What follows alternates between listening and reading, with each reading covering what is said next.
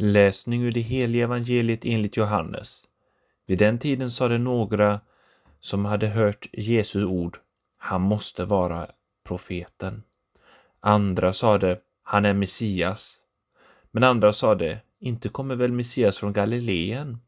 Säger inte skriften att Messias ska vara av Davids ett och komma från Betlehem, byn där David bodde? Så blev hopen oeniga om honom. Några ville gripa honom, men ingen lyfte sin hand mot honom.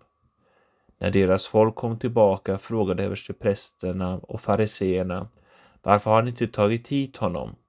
De svarade Aldrig har någon människa talat som han. Då sade fariseerna till dem Har ni också blivit vilseledda?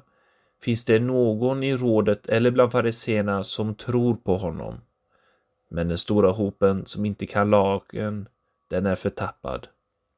Nikodemus, som själv satt i rådet och som tidigare hade sökt upp Jesus, sade Inte dömer väl vår lag någon utan att man först har hört honom och tagit reda på vad han gör.